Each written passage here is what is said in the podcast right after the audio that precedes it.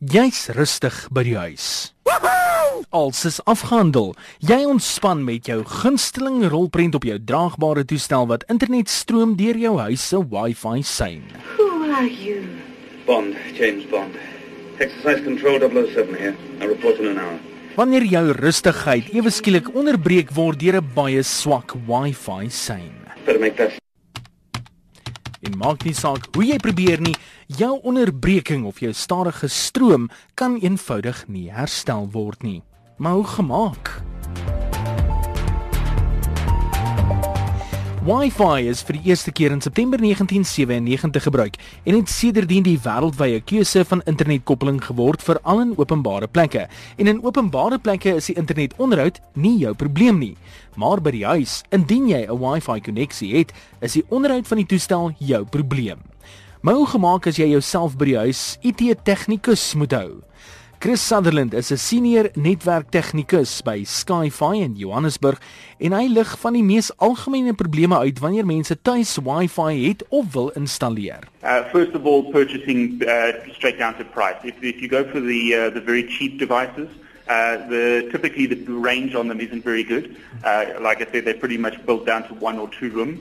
respectively, and uh, that's really where they, they end up hurting. Unfortunately, if they need a bit more coverage than that, then they have to go out and buy a whole other device to accomplish the task.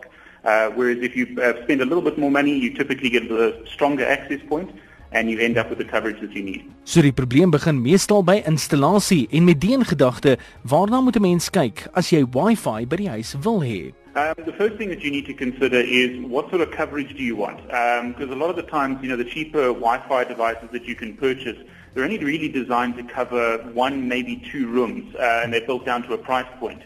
So if you want Wi-Fi in your entire house, you need to have a good idea of what the square meterage is, uh, and then obviously understand what performance specs the uh, device you're purchasing is going to be. Uh, once you've got those two down, then you can pretty much plan how many Wi-Fi access points you're uh, going to need, where they're going to be placed, uh, all of that sort of thing. Chris Sutherland is senior netwerktegnikus by Skyfi in Johannesburg. Besoek hulle webtuiste skyfi.co.za vir meer besonderhede.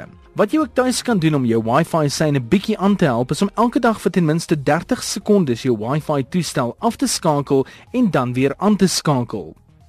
Ontkoppel ook jou toestel indien die weer swaar is. Laai ook vir jou 'n Wi-Fi spoedtoets toepassing af op jou slimfoontoestelle om gereeld die spoed van jou Wi-Fi te bepaal. Op dië manier kan jy gereeld op hoogte bly van wanneer die voer stadig is of optimaal funksioneer, sodat jy daai rolprent ten minste kan klaar kyk. Solitaire. My name's Bob. James Bond. Know.